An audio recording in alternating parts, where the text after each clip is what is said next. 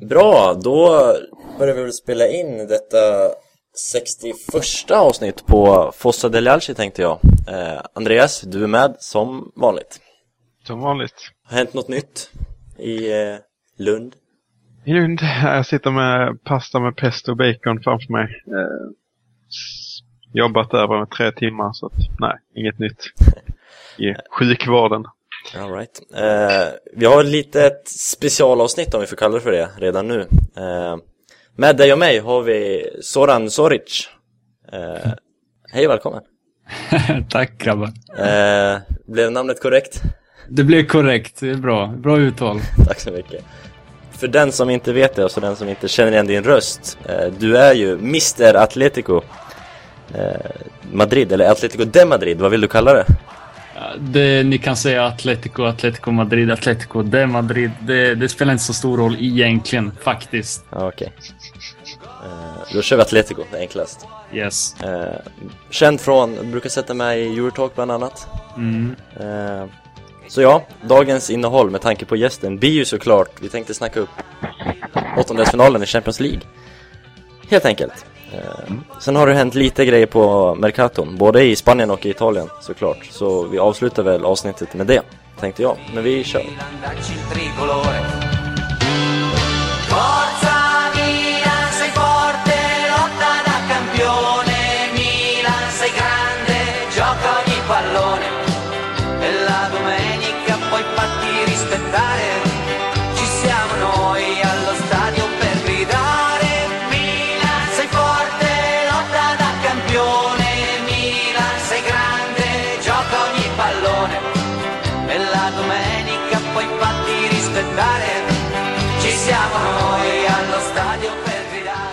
Ja, men eh, ska vi börja diskutera matchen som eh, betyder mycket för bägge våra lag kan man väl minst sagt säga.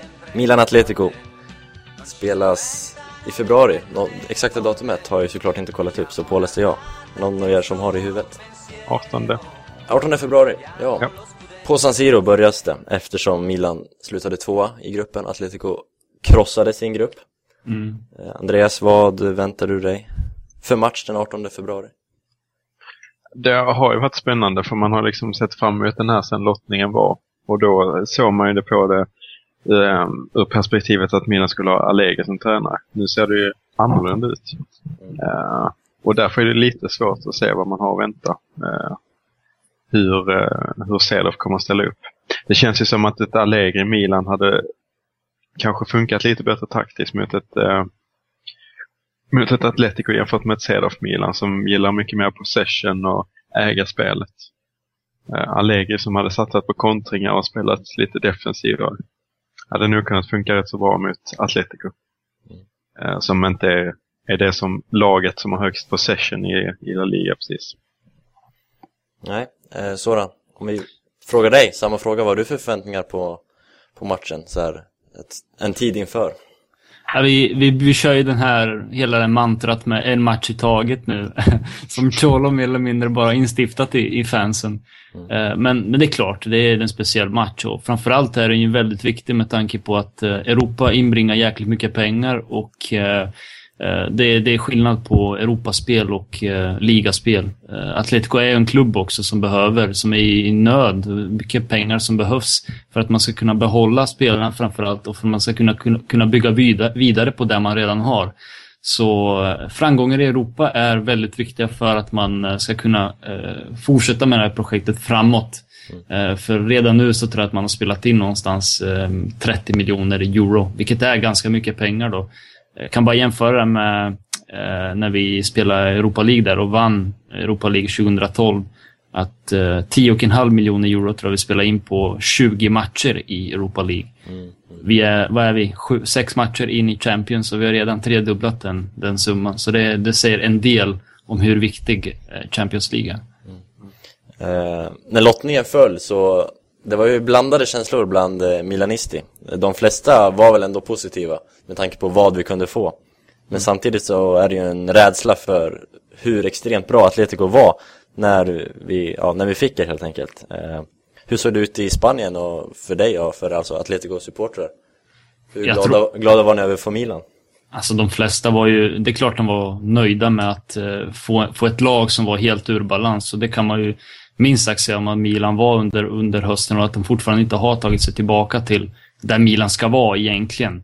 Eh, så folk, folk var ganska nöjda med, med lottningen, men samtidigt så vet man också att eh, Milan är inte vilket lag som helst, inte vilken klubb som helst skulle jag säga. För att eh, Milan växer när de spelar Champions och det är inte bara en grej som man säger sådär, utan det är något som man har sett genom åren också och vi bara gå tillbaka till förra året när man vinner mot Barcelona med 2-0. Eh, och, och, att, och att man är väldigt uträknad också innan matchen. Men trots det går det att vinna med 2-0. Sen, sen är retur en annan grej, men eh, Milan är absolut ingen lätt motståndare och eh, jag, tror att de, jag tror att de flesta ändå har jättestor respekt för Milan.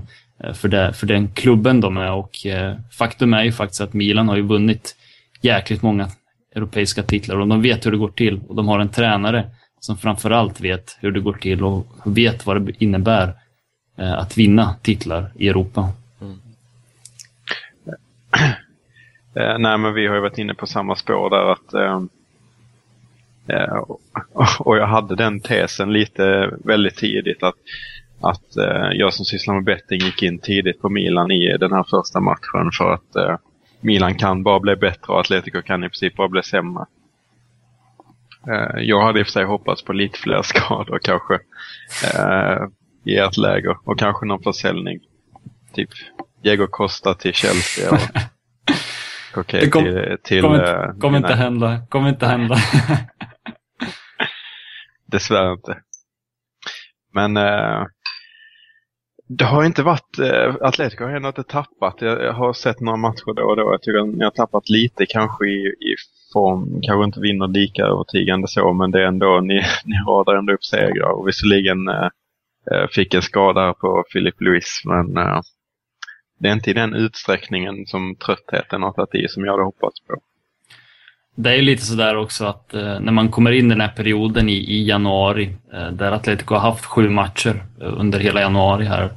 Och det, det blir jäkligt påfrestande för spelarna och då gäller det att eh, rotera rätt.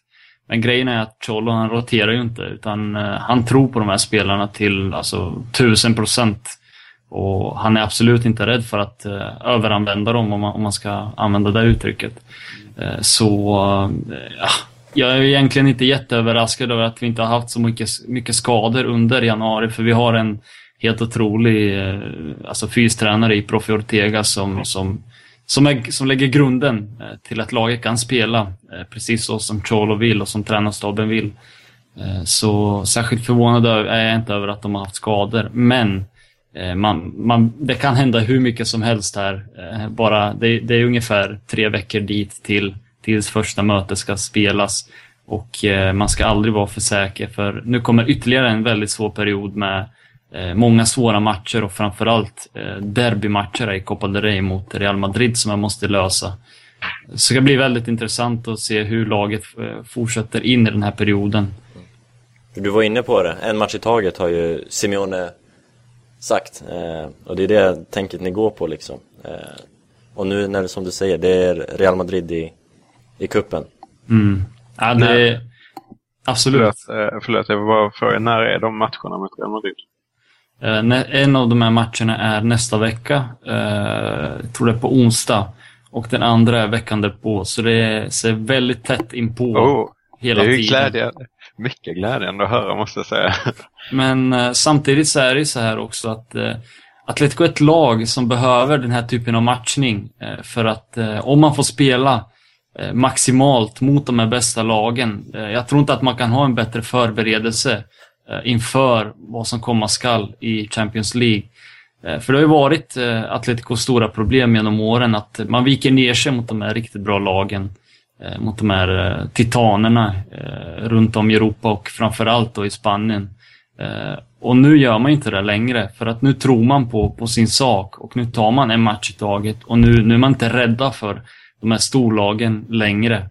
Eh, vilket i sin tur gör att det finns en tro på att man, man, kan ta sig vidare. Det finns en tro, jättestor tro på att man ska klara det här eh, fysiskt, att man ska ta sig an Milan, när, Milan på bästa möjliga vis också.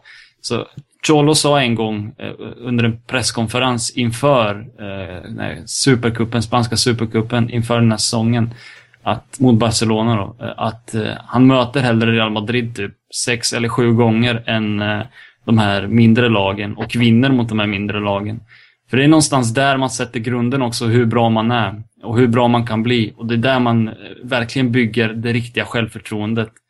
Eh, vilket han har gjort då, sen han kom till Atletico. Eh, och under, under hösten så har vi en enda förlust på, är det 35 matcher? Vilket säger en del om hur bra det har gått och vilken typ av, vilken typ av karaktär det rör sig om eh, här. Eh, både i laget och i Cholo som tränare. Vad tror du om, man får säga det, ni skulle åka ut två klara förluster mot Real Madrid? Det är inte omöjligt med tanke på att det är just Real Madrid. Eh, vad tror du händer då eh, med självförtroendet och flowet ni har? Att jag, är inte så, jag är inte så rädd för att det ska förstöra eh, självförtroendet. Jag är mer eh, rädd för att laget ska åka, åka på skador. Eh, vilket, eh, vi har en trupp där vi inte riktigt kan ersätta Gabi exempelvis som, som ingen pratar om för det mesta, det mesta handlar om Diego Costa eller Koke eller eh, de, den typen av spelare, Courtois möjligtvis. Eh, men Gabi är hjärtat i det här laget och eh, en spelare som inte går att ersätta. Så jag är mer orolig för att om, om Hangabi exempelvis skulle gå sönder, eller som Felipe Luis nu gick sönder, där har vi ett litet frågetecken i Insoa också som inte riktigt har, har inte fått chansen helt enkelt, för att Felipe Luis är en av världens bästa vänsterbackar. Eh, så det, är- det är snarare det man är lite rädd för än att man ska förlora mot Real Madrid.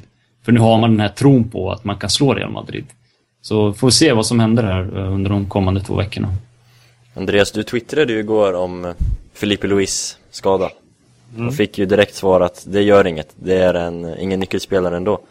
Men du verkar tycka annat sådan, eller? Har jag fel?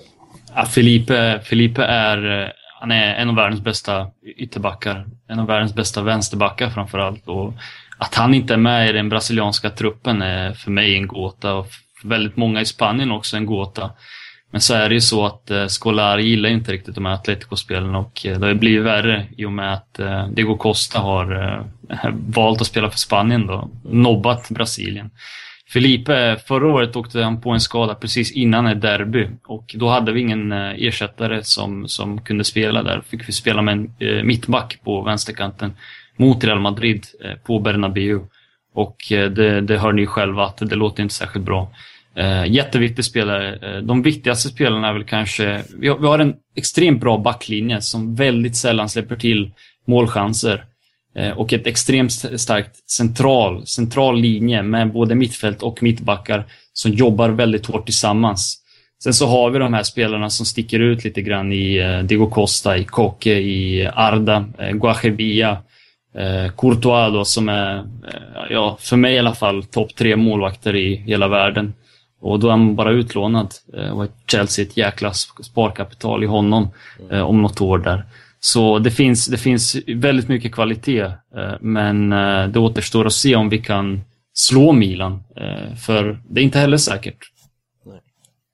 Nej, men, jag tycker det är väldigt intressant att du lyfter fram Godin också som är en eh, lite personlig favorit, den uruguayanska mittbacken. Um, var ska jag börja i det här svaret? Jag hade så många trådar som jag tänkte dra i. Men hur, hur ty tycker du att det är? Hur känsliga är ni för, för att tappa liksom första lagspelare? Eh, har du någon koll på Milans bredd om man skulle liksom jämföra de eh, bredderna i truppen helt enkelt? Alltså jag framförallt är ganska säker på att Atletico kommer ge bort bollen till Milan. Eh, för att eh, Simeone är helt emot den här spanska sjukan, om vi nu ska kalla det så. Där alla ska... Det tycker jag för- absolut vi ska kalla den. Ja, för att där, där alla ska föra matcher och där alla ska dominera matcher. Eh, Men vad, vad betyder då att dominera en fotbollsmatch? Är det viktigare att skapa målchanser eller viktigare att spela bollen i sidled 800 gånger och sen räkna passningarna som man gjort efteråt och sen vara helt jätteglad över det? Eh, här, här handlar det om en sak och det handlar om att gå, gå så rakt på mål som man kan, skapa så många chanser som man kan och framförallt, om man inte skapar särskilt många chanser. Skapar man tre chanser då vill man gärna göra tre mål. Eh, Så det är så. Atletico är ett väldigt effektivt lag också, eh, som kan göra mål på många olika sätt. Och det, det, det är fast situationer, både frisparkar och hörnor från båda sidorna. Eh, där vi har flera bra eh, frisparksskyttar. Eh, vi är väldigt bra i djupet nu med eh, David Villa som har gett en, ytterligare en dimension. Och här tror jag att man glömmer bort ofta att eh, det finns så mycket stjärnor, så mycket spelare som, som fans gärna vill ha. Men man tänker inte så mycket på profilen och hur laget ska se ut. David Villa är inte samma spelare som han var i Valencia och Barcelona. Är inte samma spelare som han var innan den här skadan. Men han bidrar alltjämt med ett väldigt hårt arbete, en bra taktisk disciplin och är jäkligt bra i djupet. Vilket då öppnar upp för Diego Costa exempelvis. Eller för David Villa honom själv, för Diego Costa också är jäkligt bra i djupet. Så det finns, det finns många faktorer som spelar, som spelar en roll. Och eh, det är klart, ingen vill ju förlora sina absoluta nyckelspelare. Alltså det går inte att säga att jag skulle bli glad om Diego Costa går sönder eller om, vad vet jag, god, nu vet jag, Koke som kan spela över hela mittfältet går sönder eller om Gabi går sönder eller om, ja, Jean-Frans som är egentligen vår enda eh, högerback på den nivån. För att eh, Xavi Manquillo är fortfarande väldigt ung och lite valpig men har en extremt stor potential. Det är klart att laget skulle bli försämras och bli lite sämre. Precis som det antagligen kommer bli lite med Felipe, men då gäller det att spela in Insua på så bra möjligt sätt, på bästa möjliga sätt, för att han i sin tur ska kunna ge tillbaka till laget. Och det är det Atletico handlar om. Det handlar inte om eh, de här eh, stjärnorna. Det handlar inte om en spelare, en individuell spelare. Det handlar om laget i väldigt, väldigt, väldigt stor utsträckning. Och det är, därför då, det är därför laget bara har förlorat en enda match under hela hösten och eh, hela januari. Mm. Det skiljer sig en del från Milan ju. Milan är ju kanske lite mer beroende av individerna. Eller Mm. ganska mycket mer beroende av individerna. Kanske framförallt Balotelli för att det ska nå fram. Kaká som nu är ur form och då har också offensiven hackat rejält. När Kaká inte har presterat. Eh, hade du några mer trådar du ville dra i, sa du, Andreas? Ja, men det är mycket. Det, det går bara att understryka hur, hur viktig matchen är. Liksom. Eh, Du, eh, du pratade om att eh, det var viktigt för Atletico för att etablera sig på riktigt bland toppklubbarna i Europa. Eh, Och på samma sätt är det viktigt för Milan eh, att eh, någonstans hålla kvar den här statusen. Eh, Visserligen så är man under halvan, liksom, vi säger. Men man, slår en, man går ändå vidare i åttondelen om man gör det. Det, det kommer ändå skicka ett meddelande. Eh, Så det är väldigt viktigt för båda lagen. Och, och eh, vi pratar även om tv-pengar, liksom, för Milan är det ännu viktigare med tv-pengar för att vi tjänar ännu mer tv-pengar än, än Atletico kommer göra om de går vidare. Eh, som vi har sagt tidigare avsnitt, eftersom det inte finns något annat italienskt lag så får Milan alla tv-intäkter från Italien. Vilket gör att går vi bara vidare mot Atletico så kommer vi vara den, den klubb i hela Champions League som tjänar mest pengar oavsett hur det går sen. Med största sannolikhet i alla fall. Mm. Så ehm, det är väldigt viktigt. Ehm, ja, vad ska vi prata om sen? Hur, hur tror du att det kommer gå? Alltså, det är jättesvårt att förutse med tanke på att eh, jag, brukar, jag brukar säga hur, jag brukar få en liten tanke och en liten, liten bild av hur det, hur det kan komma att gå. eh, Bara dagarna innan. Så det är lite svårt när man är så här i tänket att man tar en match i taget hela tiden. Och det ska spelas typ fem matcher innan Milan. Och det kan hända väldigt mycket på fem matcher. Eh, Så, så, så därför tycker jag att det är lite, svår, lite väl svårt att eh, säga hur det kommer gå. Men det är klart, Atletico har en jättefin chans att gå vidare här och speciellt mot ett Milan som, som hackar eh, för, för tillfället och hackar väldigt mycket under den här säsongen. Sen, så, sen så självklart, Milan vill också gå vidare. Milan har, Milan har också sina ambitioner. De har också en tränare som vill bevisa sig, spelare som vill bevisa sig framför allt. De har gjort en del bra värvningar nu i, i januari. Eh, och det var ju också väntat så att säga.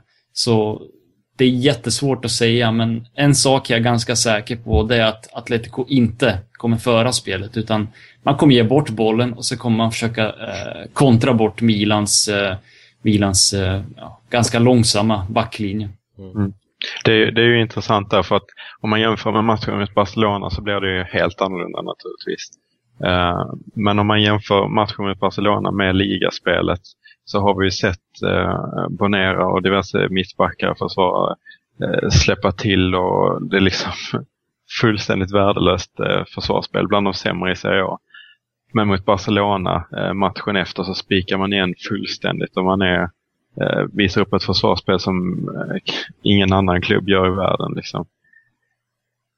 Det, det, det är ju intressant om, om det beror bara på att man kan luta sig tillbaka och på så vis blir bättre. Förmodligen är det ju en kombination av det och att det är Champions League och att man är mycket mer fokuserad. Eh, Mexe som är liksom en eh, väldigt, en spelare med väldigt fluktuerande fokus. Så eh, kan han fokusera sig i alla fall i 90 minuter i Champions League en gång om året eller något. Så det kan, om det bara beror på det eller om det är en kombination med att, eh, att man spelar mot ett bollförande lag. Frågan är hur stora delarna är liksom och hur bra vi kommer att spela i defensiven mot eh, Atletico. Alltså det finns ju inget vackrare än, än ett bra försvarsspel. Eh, ett bra försvarsspel som hela laget spelar. Och det är där försvarsspel handlar om, att hela laget ska delta. Mm. Det är precis det Milan gjorde mot Barcelona exempelvis. Eh, nu när de, förra året när de vann med 2-0. Så det är en kollektiv grej alltså. Det, det kan inte bara ske från två eller tre eller fem eller åtta spelare. Det måste ske från elva individer och tre inhoppare som kommer in sen. Som måste göra ett li, minst lika bra jobb i defensiven och sen självklart bidra med något i offensiven också. Så det är en kollektiv grej det här med försvarsspel. Det är inte bara individuell, individuell, individuell grej eh, som, som, eh, som gör skillnaden så att säga. Och där tycker jag faktiskt man inte ska underskatta Pazzini som kommer tillbaks och spelar mot Barcelona. Eh, när vi spelade mot Barcelona hade vi inte Balotelli, vi hade inte eh, Kaká om man jämför med dagens trupp. Mm. Men eh, Pazzini är tillbaks nu. Han har ju faktiskt inte spelat när det har gått så här dåligt och han kommer in och kämpar väldigt mycket och gör mål och sånt där. Han kan bli eh, en faktor helt klart i den här matchen. Han är ju bättre i defensiven än, än Balotelli. Det, Det är, det är inget man sticker ut hakan om man säger, utan det är en rätt markant skillnad. Eh, Och han är bra om man spelar defensivt och får upp bollen och sånt där. Nu kommer vi kanske inte spela defensivt så, men, men det, det hjälper helt enkelt i den defensiva fasen. Sen får vi se om Pazzini är en man för att starta. Eh, om man får tro alla beryktade startelvor hit och dit i ja, alla rosa tidningar som finns, så är ju Pazzini inte en, en tänkt startman för Cedorf. Men Fast då, då pratar man ju om det är oftast ligaspel. Och, Ja, precis. Och då är ju Honda tillgänglig till exempel. Jo, det är sant. Det är sant. För Jag kan absolut tänka mig att han kan använda Balotelli i en av de tre rollerna bakom Pazzini. Eh, Det känns som ett väldigt spännande alternativ. Ett offensivt alternativ naturligtvis. Men jag tror att Balotelli kommer mer till sin rätt där. Och jag tyckte vi såg det nu senast där eh, Pazzini kommer in och det blir bättre. Eh, helt enkelt. Han blir mer involverad i spelet, Balotelli. Eh, så det, det kan absolut vara intressant. Sen så är ju nackdelen då om man spelar båda de två att man inte har något offensivt alternativ att kasta in om man skulle vilja förändra offensivt. Men det är en intressant tanke i alla fall. Milan, Mercaton, Milan har varit väldigt aktiva på transferfönstret dessa dagar. Som vanligt på slutet av fönstret. Och som vanligt i januari får man kanske säga. Eh, jag tycker, ja, det är ändå tre stora namn vi har värvat. Eh, sen kan man ju ifrågasätta, eller fyra blir det till och med. Eh, sen kan man ju ifrågasätta om det är bra namn. Men stora namn, relativt stora namn, har ju ändå kommit in nu. Eh, Essien är ju spikad för, för Champions League. Med Mm. tanke på att Montolivo och Montari är avstängda. Men visst är det så att man bara får registrera två nya? Eller är jag fel ute? Åh, det där skulle jag ju eh, ställt innan programmet. Men eh, jag har ju koll på det egentligen. Vet du sådana? Jag har inte den blekaste, ska jag vara helt ärlig och säga. Jag, tror, jag har för mig att det är tre spelare. eh, Men jag är inte helt säker där. För frågan är ju vilka, om det är två, vilka två man registrerar. Eh, För Honda är ju körd, han har ju spelat med, med i Moskva. Men eh, vi har ju värvat Tarabt idag. Det kan man ju tycka vad man vill om och det kan vi prata om strax. Men om man får registrera honom eller inte. För Rami och Essien kommer väl förmodligen registreras. Sen är frågan om man får ta in Tarabt också i truppen. Mm, det är frågan. Det låter jag kanske vara osagt. Eh, Det kan vi ju ta en liten paus och googla på kanske. Men eh, ja, där har vi annat ett offensivt alternativ som du pratar om Andreas, som kanske kan starta på bänken eller dylikt. Mm. Absolut. Men ska vi ta det direkt när vi ändå är inne på honom? Adel Tarabt, klar för Milan. Vad tycker du, Andreas? Hörde du hur jag suckade? Eller Ja, ska jag förklara? Eh, nej, det, det är faktiskt en fruktansvärt dålig värvning som jag är vä- väldigt emot. Eh, kan inte minnas senast jag var så emot en värvning faktiskt. Eh, och då, då har vi ändå värvat Matri för 12 miljoner. ja, okej. det- fast nej. Det, Fast du var inte så emot den. Jag var inte så emot den alls som den här. För att det här finns, det finns så många anledningar till att jag ogillar den här, eh, eller hatar faktiskt den här. Eh, måste jag säga. Kör, förklara. Eh, om vi bara kollar rent speltekniskt så, så är han inte den spelaren vi behöver på det offensiva mittfältet. Vi hade absolut kunnat förstärka med en offensiv mittfältare. Men det snackas om Biabiani. Jag förstår att han är dyrare. Han är lite mer åtråvärd och allt det där. Men han hade varit så fruktansvärt mycket nyttigare än Cherchi eller någon som har eh, löpstyrka liksom. Vi behöver någon som kan variera spelet på det offensiva mittfältet och inte bara ha eh, bollkladdare som, som Adil Rami. Eller Adil Rami. Som den här marockanen är som jag vet Tarat. inte vet om... Ja, men jag skulle utveckla med att jag inte vet om jag kommer börja nämna honom vid namn någonsin i den här podden. Eh, visst, vi, vi supportrar glömmer snabbt, men jag kanske börjar om man, om man skjuter oss vidare mot Atletico och upp till eh, Scudetto så kan jag tänka mig tänka mig att förlåta honom. Eh, nej, men eh, rent speltekniskt så passar han inte alls in i, i laget. Eh, och jag hade mycket, mycket hellre sett att vi förstärker med, med mer speed som hade styrkt laget. Som vi pratade om tidigare i förra avsnittet med, med eh, brudparet där.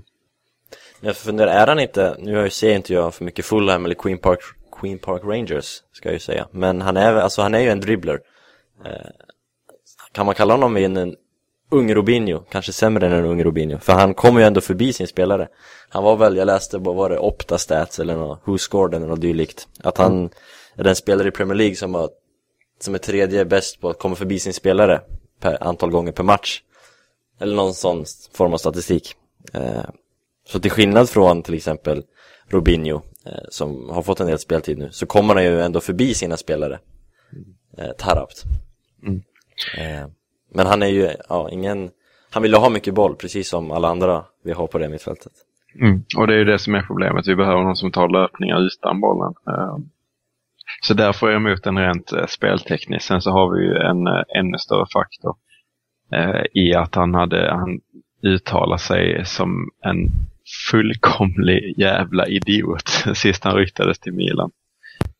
Om det är någon som har ehm, glömt det mot förmodan så, så pratar han ju om att han väldigt gärna vill till Milan för han eh, för eh, även om Milan inte är en toppklubb längre så kan han se det som en språngbräda till större klubbar.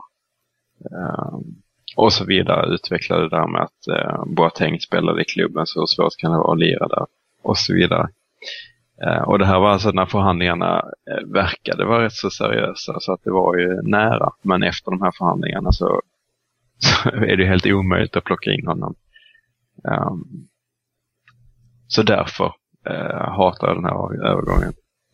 Han är ju en väldigt svår person alltså, att göra med. Och Det har man ju minst sagt inte sett alltså, när han har varit i, framförallt då i England. Eh, Tottenham i QPR. QPR fick en väldigt fri roll också. Allt skulle kretsa runt omkring honom när han spelade i Championship och därför var han Championships bästa spelare. Sen så när han tog sig upp till Premier League och skulle ta det här steget, ytterligare steget och göra eh, QPR till någon sorts mittenlag där de hade ambitioner om att gå ännu längre upp så misslyckades han helt för att Alltså, det är inte lika lätt att lyckas i Premier League som det är i Championship och Championships försvarsspel eh, kan vi säga väldigt lite om.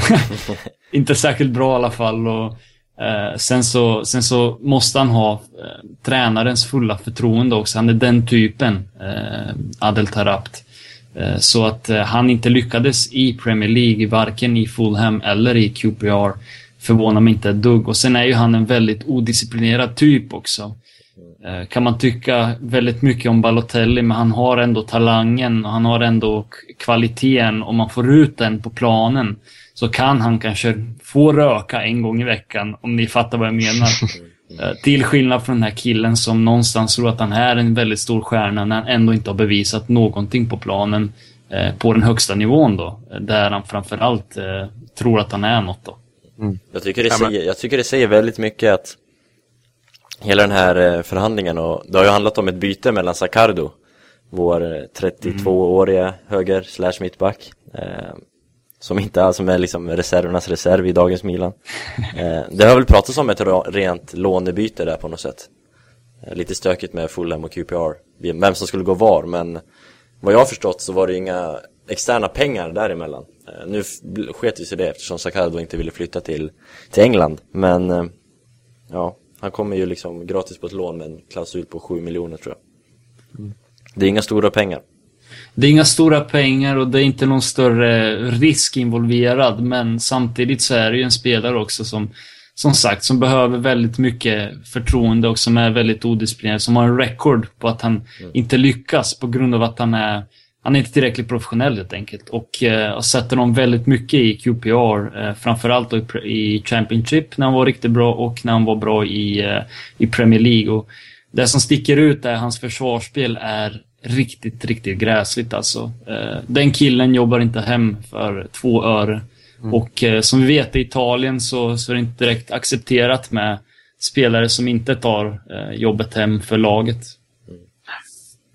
Nej. Nej, alltså om- om du gör jämförelsen med Robinho David så, så tycker jag ändå att Robinho kan eh, ta löp hem, i synnerhet i Champions League och stora matcher.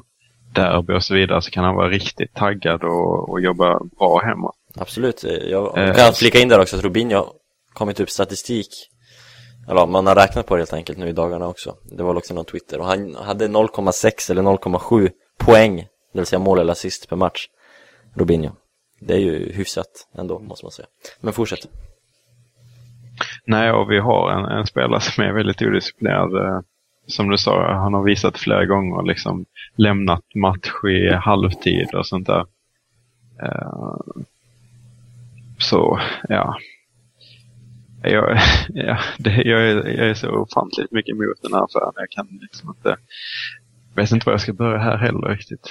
Dessutom så Galliani har ju sagt det flera gånger att Milan vill banta truppen Ska någon spelare komma in måste någon gå ut Nu vill inte Sacardo lämna men då plockar man in Tarabt ändå eh, Utan att ha någon klar köpare Någon annan klubb åt Sacardo eller något, någon annan spelare Det samma konstant vill inte lämna eh, Men det ryktas att vi skulle ta in Armero ändå liksom Truppen bara växer och löne, lönekostnaderna växer ju också med det Det här vanligt. säger jag, jag har fortfarande, jag har väldigt stor respekt för Kalas och Jankulovski, men det ser, ju- ser lite grann likadant ut eh, när de eh, skulle sitta ut sina kontrakt.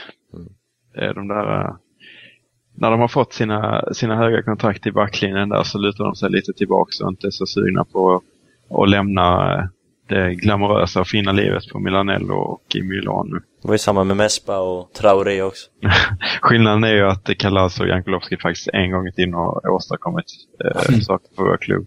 Absolut Ja. Eh, så nu ser det ju lite tråkigare ut, Visst gör det det? kan man ju säga.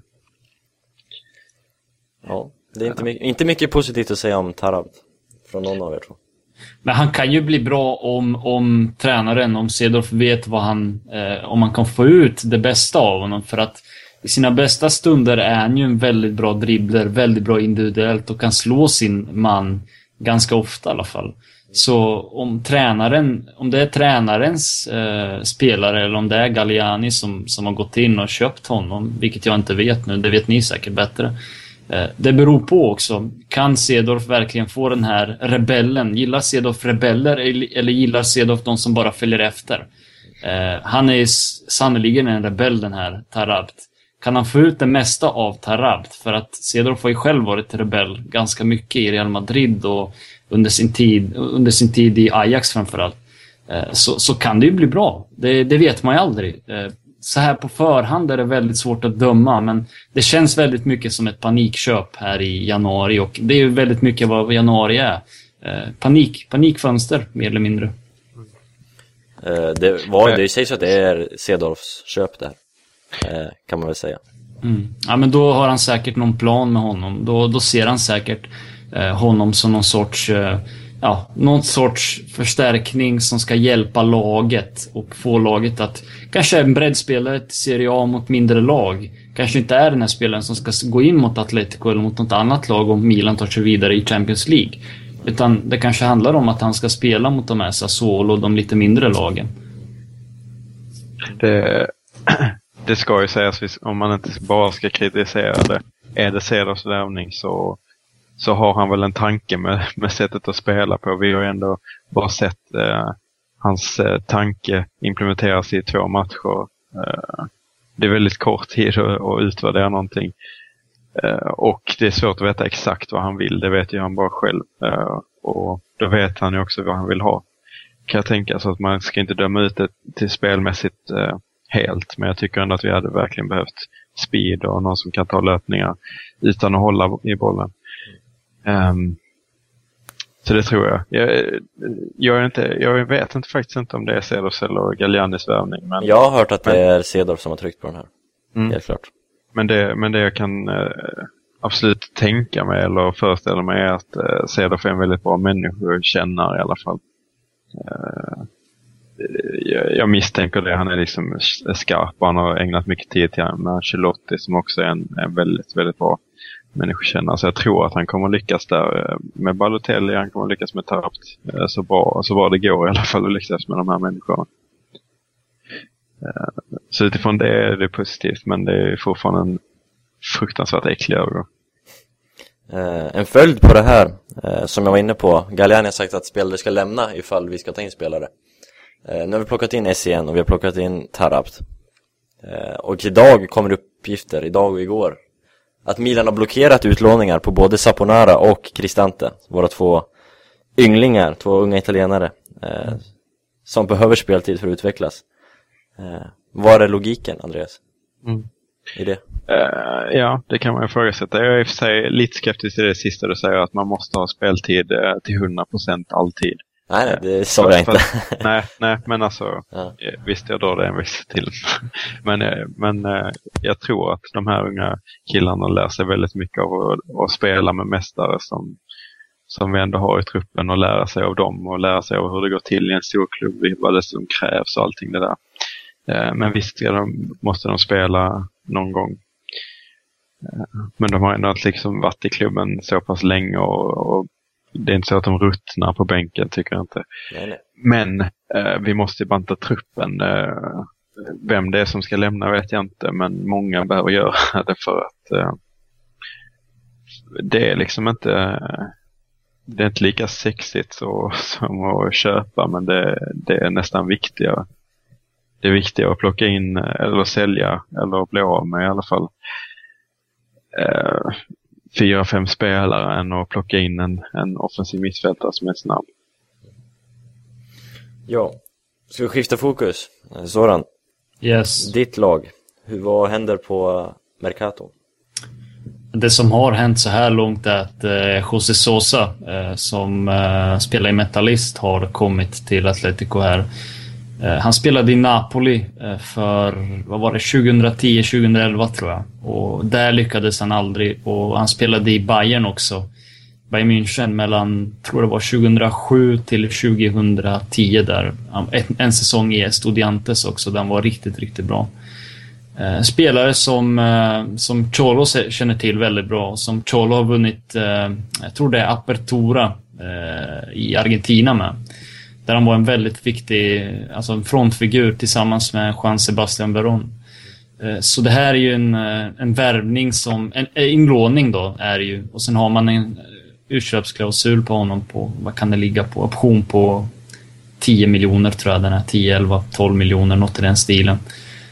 En spelare som fick chansen att lämna Metallist för att det är i stort sett hans sista chans att kunna spela eh, ett eh, världsmästerskap i fotboll med Argentina och eh, Sabella, eh, tränaren i, eh, förbundskaptenen i Argentina, sa ju att han var tvungen att lämna om man skulle ha någon som helst chans att bli vald. Så då gick, han, då gick han till ledningen i Metallist och ledningen lämnade, alltså gav honom chansen att lämna eh, på ett sex månader långt, eh, långt, eh, lång utlåning. Mm. Och då var det Cholo som stod där och tog emot honom mer eller mindre. Eh, precis innan nyår eh, så blev han klar. En spelare som kan spela längs eh, kanterna men som även kan spela som eh, offensiv mittfältare. Även om han är lite mer box to box eh, från början så, så, har han, så har han mer eller mindre bara konverterats till en, eh, ja, en tia. En, en, en playmaker helt enkelt.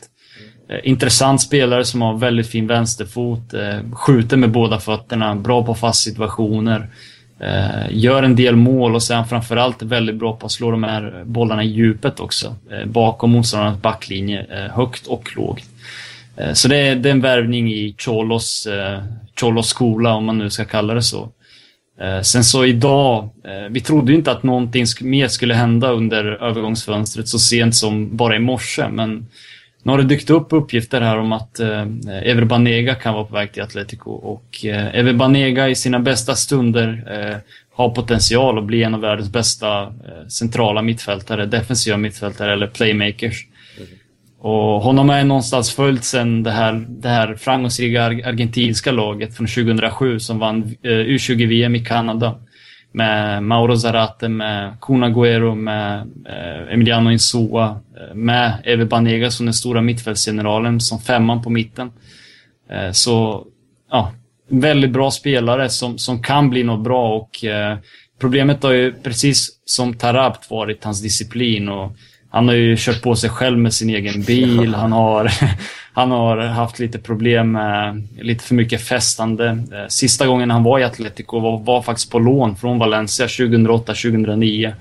Där han hade en klausul i sitt kontrakt om att han, eh, om att han fest, om han festade så skulle han direkt sändas till Valencia, hem till Valencia. Så han hade en klausul för festande alltså. Vilket någonstans säger lite om Evi Banegas karaktär. Men Cholo är ju så att han gillar ju de här rebelliska typerna och eh, han älskar, älskar verkligen att ta sig an de här rebelliska typerna. Han sa ju det en gång i någon intervju för något år sedan här att eh, jag tar hellre någon som är rebellisk än någon som är helt kall, någon som inte visar känslor. Och det har vi ett praktexempel på Diego Costa där som har blivit en... Eh, alltså han har, blivit, han har gått från att vara en riktig ärkesopa som ingen tror på till den här stora stjärnan som han är idag. Eh, bara för att han har någon som, som trodde på honom, som förstod honom. Eh, så Cholo älskar den här typen av spelare. Det skulle vara en väldigt intressant värvning då. Eh, på lån snackas det om. Även om jag läst lite på kvällen att det kan handla om en, om en permanent transfer också. Får se om det, om det, om det sker. Eh, det, det sista är väl mer eller mindre för sommaren då med Angel Correa, den här jättetalangen från San Lorenzo som eh, Atletico vill säkra och eh, det gjorde man ju 2006 med Kun Agüero när han gick från eh, Independiente där som den stora stjärnan i argentinska ligan till Atletico framför näsan på klubbar som Chelsea, som ja, Manchester United, många engelska, många italienska, Inter var väl inblandade om jag minns rätt. Så Angel Correa till sommaren möjligtvis, men då ska han få spela Copa Libertadores också. Eh, med San Lorenzo som satsar väldigt, väldigt hårt på den turneringen. Så det är väl framförallt de, de spelarna. Eh, sen kan väl eh, Joshua Giabogi möjligtvis lämna här i, i vinter då. Uh, imorgon då när, när det stänger. Om det nu skulle vara så att man kan få in Banega här.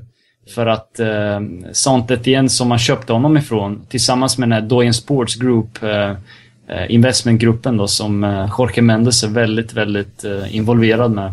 Superagenten då, som han är lite mer känd då, som i Sverige. Han är på väg tillbaka till Santet igen och han kan bara spela för Santet igen med tanke på att han har spelat för två klubbar redan under 2013-2014. Det ska bli intressant att se vad som händer där sista, sista dagen, sista 24 timmarna. När det här kommer ut så är det väl antagligen riktigt, riktigt gammalt också. Ja, transferrykten sådär sista, ja, sista timmarna. Den kommer ut imorgon på fredag. På morgonen, ja, exakt. morgonen exakt. Upp, så. så det är antagligen eh, stenåldern då. Eller så är han klar. Eller så är han klar, ja. Mycket mm. riktigt. Den hade jag inte hört alls, Banega. Eh, Det är en spelare som har jagats i, ja framförallt Inter kanske senaste tiden. Eh, Men Milan har ju ryktats lite löst till och från förut. Mm. Men Banega, det är ju, ja, det var intressant. Mm. Mm. Har du några tankar på det, Andreas? På den där hangen? Nej, jag, jag överlåter det till, eh, till Sören. Eh, Men Banega, går han in på mittfältet och blir start direkt? eh, Om man kommer? Ja, det är sådär att Atletico, i Atletico går ingen in som startspelare. För att det finns en tydlig hierarki. Eh, som är en väldigt viktig grej i, eh, i själva lagbygget och i själva ledarstilen som Cholo kör här. Eh, så det är bara Guaje Villa som går in som, som anfallare, men så är ju han den här som ska ersätta Falcao också. Så det är lite mer förståeligt. Men ingen annan har gått in här. Varken Alderweireld som har jättesvårt att ta sig igenom Miranda och Godins, alltså de är ett av världens bästa mitt, mittlås. Det är jättesvårt att ta sig in där. Eh, och Alderweireld är en jättefin spelare eh, som är mycket bättre med fötterna, men som trots att han gör riktigt bra matcher, varje gång han får spela gör han en riktigt bra match, men han får ändå inte spela. Eh, vilket någonstans säger också att Cholo har en jättestark tro på sin elva, en jättestark tro på 13-14 spelare som man verkligen litar på. Som har varit med hela vägen. Som har gett honom de här titlarna i Europa League 2012. I Super, uh, Uefa Super Cup mot Chelsea när vi var med 4-1 där på, i Monaco. Uh, och den här Copa del Rey-segern, klassiska mot uh, Real Madrid. Uh, första segern på 14 år också mot Real Madrid. Uh, som var väldigt viktig. Så det är, du måste ge tillbaka till Cholo om du verkligen ska ha en chans att komma in i laget. Sen så är det ju så att i Atletico förtjänar man sina minuter. Det spelar ingen roll om du, vad, vad du än heter. Eh, du kan vara David Villa, men om, eh, om någon annan har gjort en bättre match än dig dagen, eh, alltså veckan innan eller tre, dagar, tre, fyra dagar innan, så betyder inte det att du startar bara för att du heter David Villa, utan du måste bevisa det varje dag på träning och sen på matcherna självklart måste du, måste du visa att du helt enkelt ska vara i startelvan. Så det, det är så man jobbar i Atletico väldigt mycket. Ingen går alltså in direkt. Men är det, det är Simeones eh, prägel på laget eller har liksom, är det någonting som sitter i väggarna i, i klubben, skulle du säga? Ja, det är absolut ingen som sitter i väggarna. Eh, Atletico är kända för att vara, eh, i alla fall sedan 87, sedan Jesus Gil tog över klubben. Eh, och hans son är ju, eh, det är han som har hand om, rattar klubben just nu. Tillsammans med Cerezo har, har han 87% av alla aktier i klubben. Eh, det är inget som sitter i, sitter i väggarna överhuvudtaget. De sista 20-25 åren har det varit så att det har varit väldigt svängigt. Eh, framförallt har det varit eh, eh dåliga, dåliga grejer som har skett här eh, med massor olika eh, spelarköp, spelarförsäljningar. Lite så som Milan ser ut idag såg Atletico ut för ja, 93-94 såg vi sådär, ut sådär ungefär som ni gör idag. Eh, och då är ni ett jäkligt mycket bättre lag nu eh, med tanke på vilka spelare som finns i bilan. Eh, och Cholo har Cholo upplevt både den dåliga delen när han kom till klubben 93-94.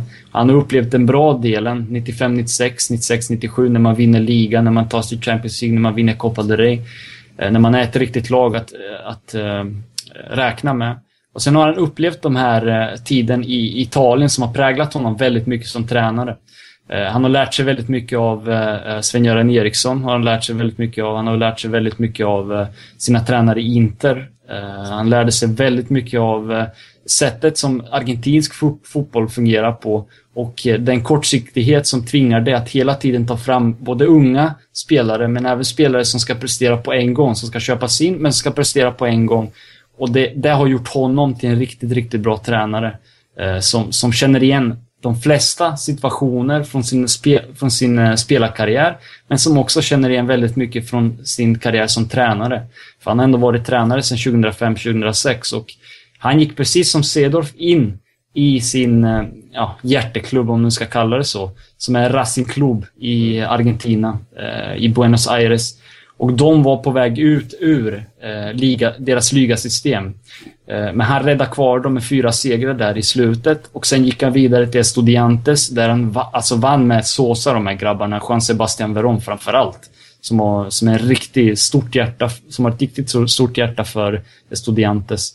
Eh, Sen så har han misslyckats. Han har lyckats i River Plate eh, med Falcao, med Abreu, Loca Abreu, de här grabbarna där, som var ett riktigt, riktigt bra lag. Men sex månader senare misslyckades han helt för att de sålde av hela hans lag.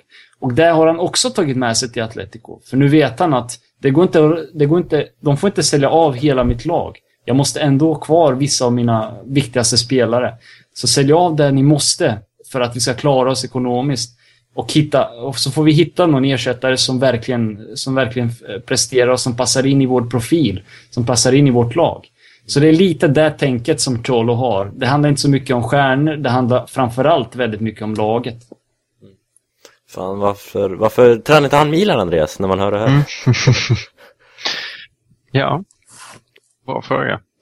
Eh, nej, jag är bara stum av beundran efter den här utläggning. Du var ju du var inne på det här mycket i senaste Eurotalk du medverkade i. Vill jag minnas. Eh, om, eh, om Simeone. Absolut, och han är, han är den typen också som... Han blir inte rädd vet, om, om pressen går emot honom, utan han tar, han tar gärna fighten med pressen, men han gör det på ett väldigt smart sätt också. Sen är det ju så att eh, han har lärt sig väldigt mycket från Argentina och eh, pressen där, eh, alltså det går inte att jämföra det, det, som, det som sker i Europa med det som sker i Argentina, för där har du typ 150 olika media, media, alltså folk, mediafolk som går på de här presskonferenserna som följer laget varje dag. Det är en jättestor passion. Eh, Du har, de här fa- du har fanzines som följer med. Eh, Om du, om du är River Plate så har du kanske 50 fanzines som håller på och eh, hänger efter dig varje dag. Och analyserar det du gör, både på planen men även där utåt och där du säger till folk runt omkring. Så det han har lärt sig från Argentina det är att han tar med sig en presschef till Spanien som ska sköta stora delar av det här snacket med pressen. Och så får han sköta det viktigaste som är presskonferenser och lite utanför planen såklart. Jag, jag funderar lite på det här med ehm, alla vi har som är kända från Eurotalk eh, inom situationstecken som vi har haft med i denna podd nu. Vi borde nog få ge upp till en startelva snart. Ja. Jag undrar, funderar lite på vilken roll eh, Soran hade haft i det. Eh, den startelvan. Högerback. Högerback, ja, jag, jag skulle säga någon slags allround mittfältare som har, har koll på allt. Jag menar, det är allt från TAP till Championship till Argentina till Spanien till... Ja, det är imponerande bredd. Ja, de, de som känner mig tänker ju lite att jag, jag är lite störd, om man säger så. För att jag kollar på så väldigt mycket fotboll.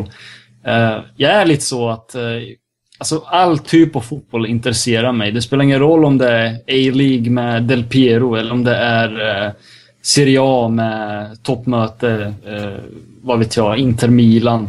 Eller om det är Sassuolo mot Udinese. Jag hittar alltid något sätt att någon intressant grej. Eh, för att jag är serb också och eh, Serbien har väldigt många spelare utomlands, eh, utanför Serbiens gränser. Och de spelar ju överallt alltså. Du kan hitta dem i Italien, Spanien, Azerbajdzjan, Thailand, Hongkong, USA. Så de finns överallt och det, det är väldigt intressant att följa alla. För som ni vet så är inte Serbien världens bästa landslag, men eh, det är en diskussion i sig som, som vi kan hoppa över kan jag tycka. Starta en Serbien, eh, Serbien podcast ja, på exakt. svenska fans.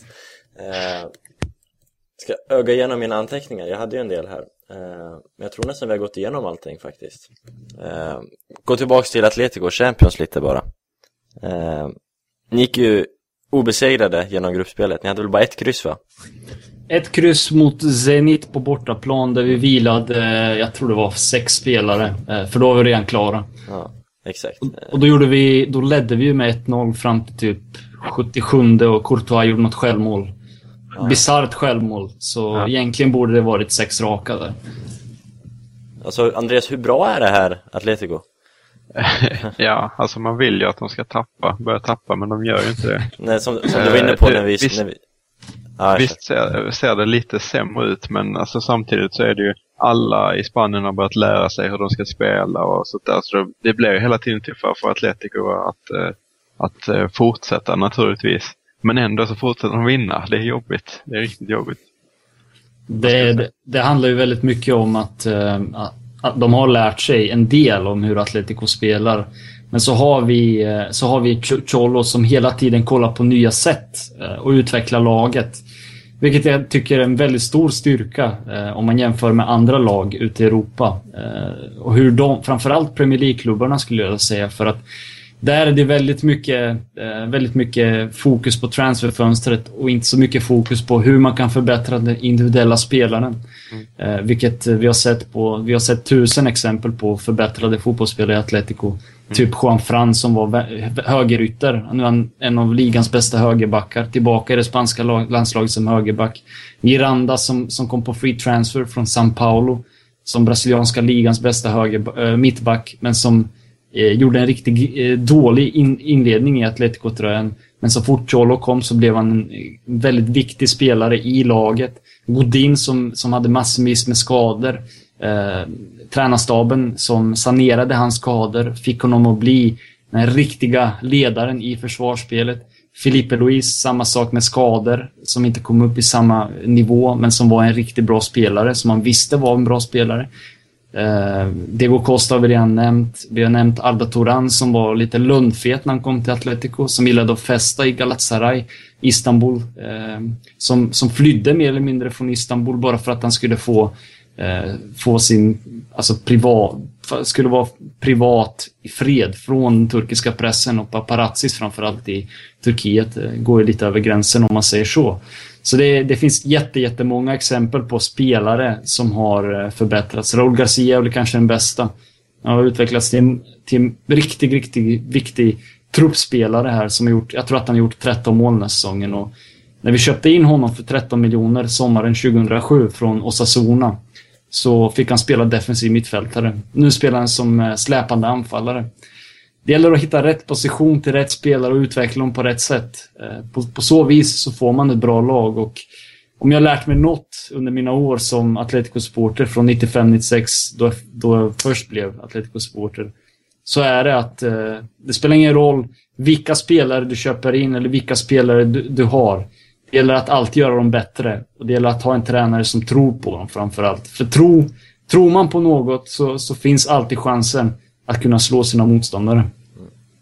Ja, alltså, du säger att England är stort fokus på transferfönstret. Jag vet inte riktigt, det är väl minst lika stort i Italien liksom. Det är ju bara faktumet att jag idag suttit ja, fem sex timmar på Solo Calcio och bara uppdaterat, uppdaterat, uppdaterat allting hela tiden. Eh, det är ju extremt, lika stort fokus i Italien måste jag säga och i Milan framförallt. Eh, det är ju köpa, köpa, köpa hela tiden. Man kanske borde ta lite influenser från andra lag när man hör sånt här. Jag tror, jag tror att det absolut viktigaste är att ta influenser. Behålla din identitet. Det är det absolut viktigaste, att behålla identiteten som du har som lag. Som klubb framförallt. Eh, nu kanske inte laget är det bästa, bästa exemplet med Milan just nu.